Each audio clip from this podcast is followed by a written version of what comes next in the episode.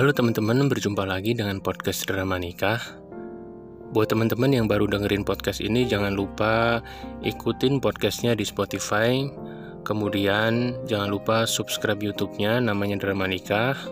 Kalian bisa komen-komen di situ. Kemudian teman-teman bisa DM kalau mau kerita, mau kirim cerita tentang pernikahan kalian. Buat teman-teman yang belum menikah, bisa juga sharing tentang rencana kalian mau menikah. Oke, hari ini saya mau cerita uh, untuk yang berjudul Aku Jodohnya. Dalam cerita ini saya akan menyamarkan namanya menjadi Jelita dan Brahma. Jadi ceritanya seperti ini. Jadi namaku adalah Jelita, saat ini usiaku hampir memasuki usia yang cukup untuk menikah. Aku sebenarnya sudah ada niat sih untuk menikah, tetapi nggak tahu kenapa belum ada yang cocok. Atau mungkin aku bisa dibilang malah jatuh cinta dengan sahabatku sendiri. Mau dikata aku jahat atau bagaimana, karena mencintai seseorang pria yang akan mempersunting wanita lain.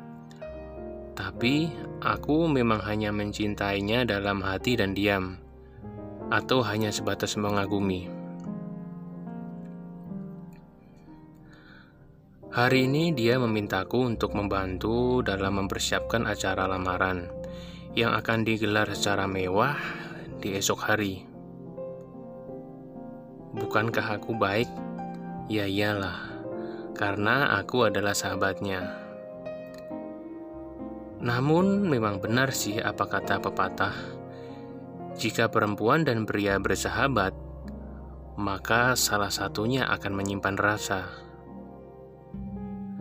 Ketika melihat dekorasi ruangan yang sangat mewah dan sangat estetik, membuat aku tak berhenti terkagum-kagum.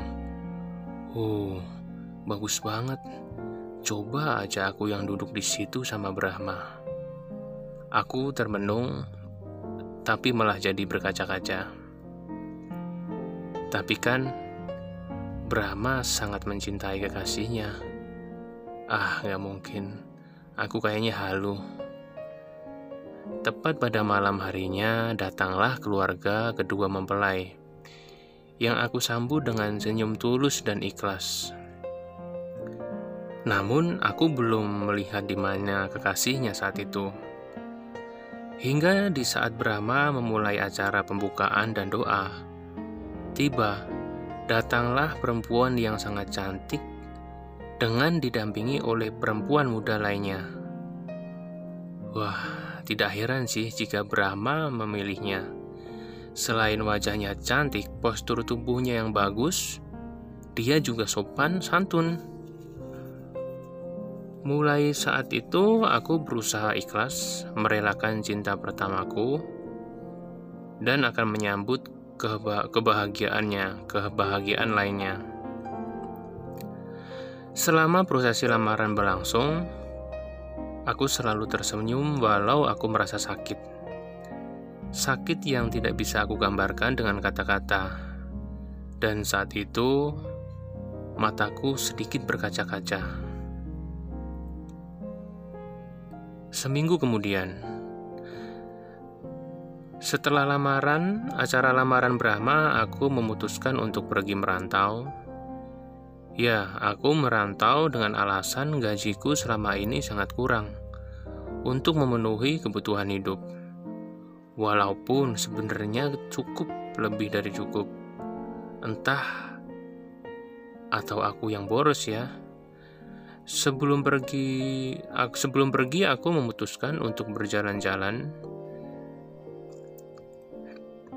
Di mana sebelum meninggalkan kota di mana aku lahir dan dibesarkan oleh orang tuaku.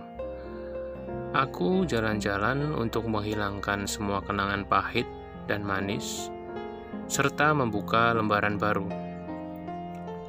Saat itu aku sedang asyik menikmati ketoprak di dekat SMP ku dulu, tiba-tiba datang seseorang. Ada seorang yang lari ke arahku. Ya, Aku melihat Brahma lari dan tiba-tiba memelukku. Saat itu aku sangat terkejut dengan perlakuannya. Ada apa? Ada apa? Kamu kenapa?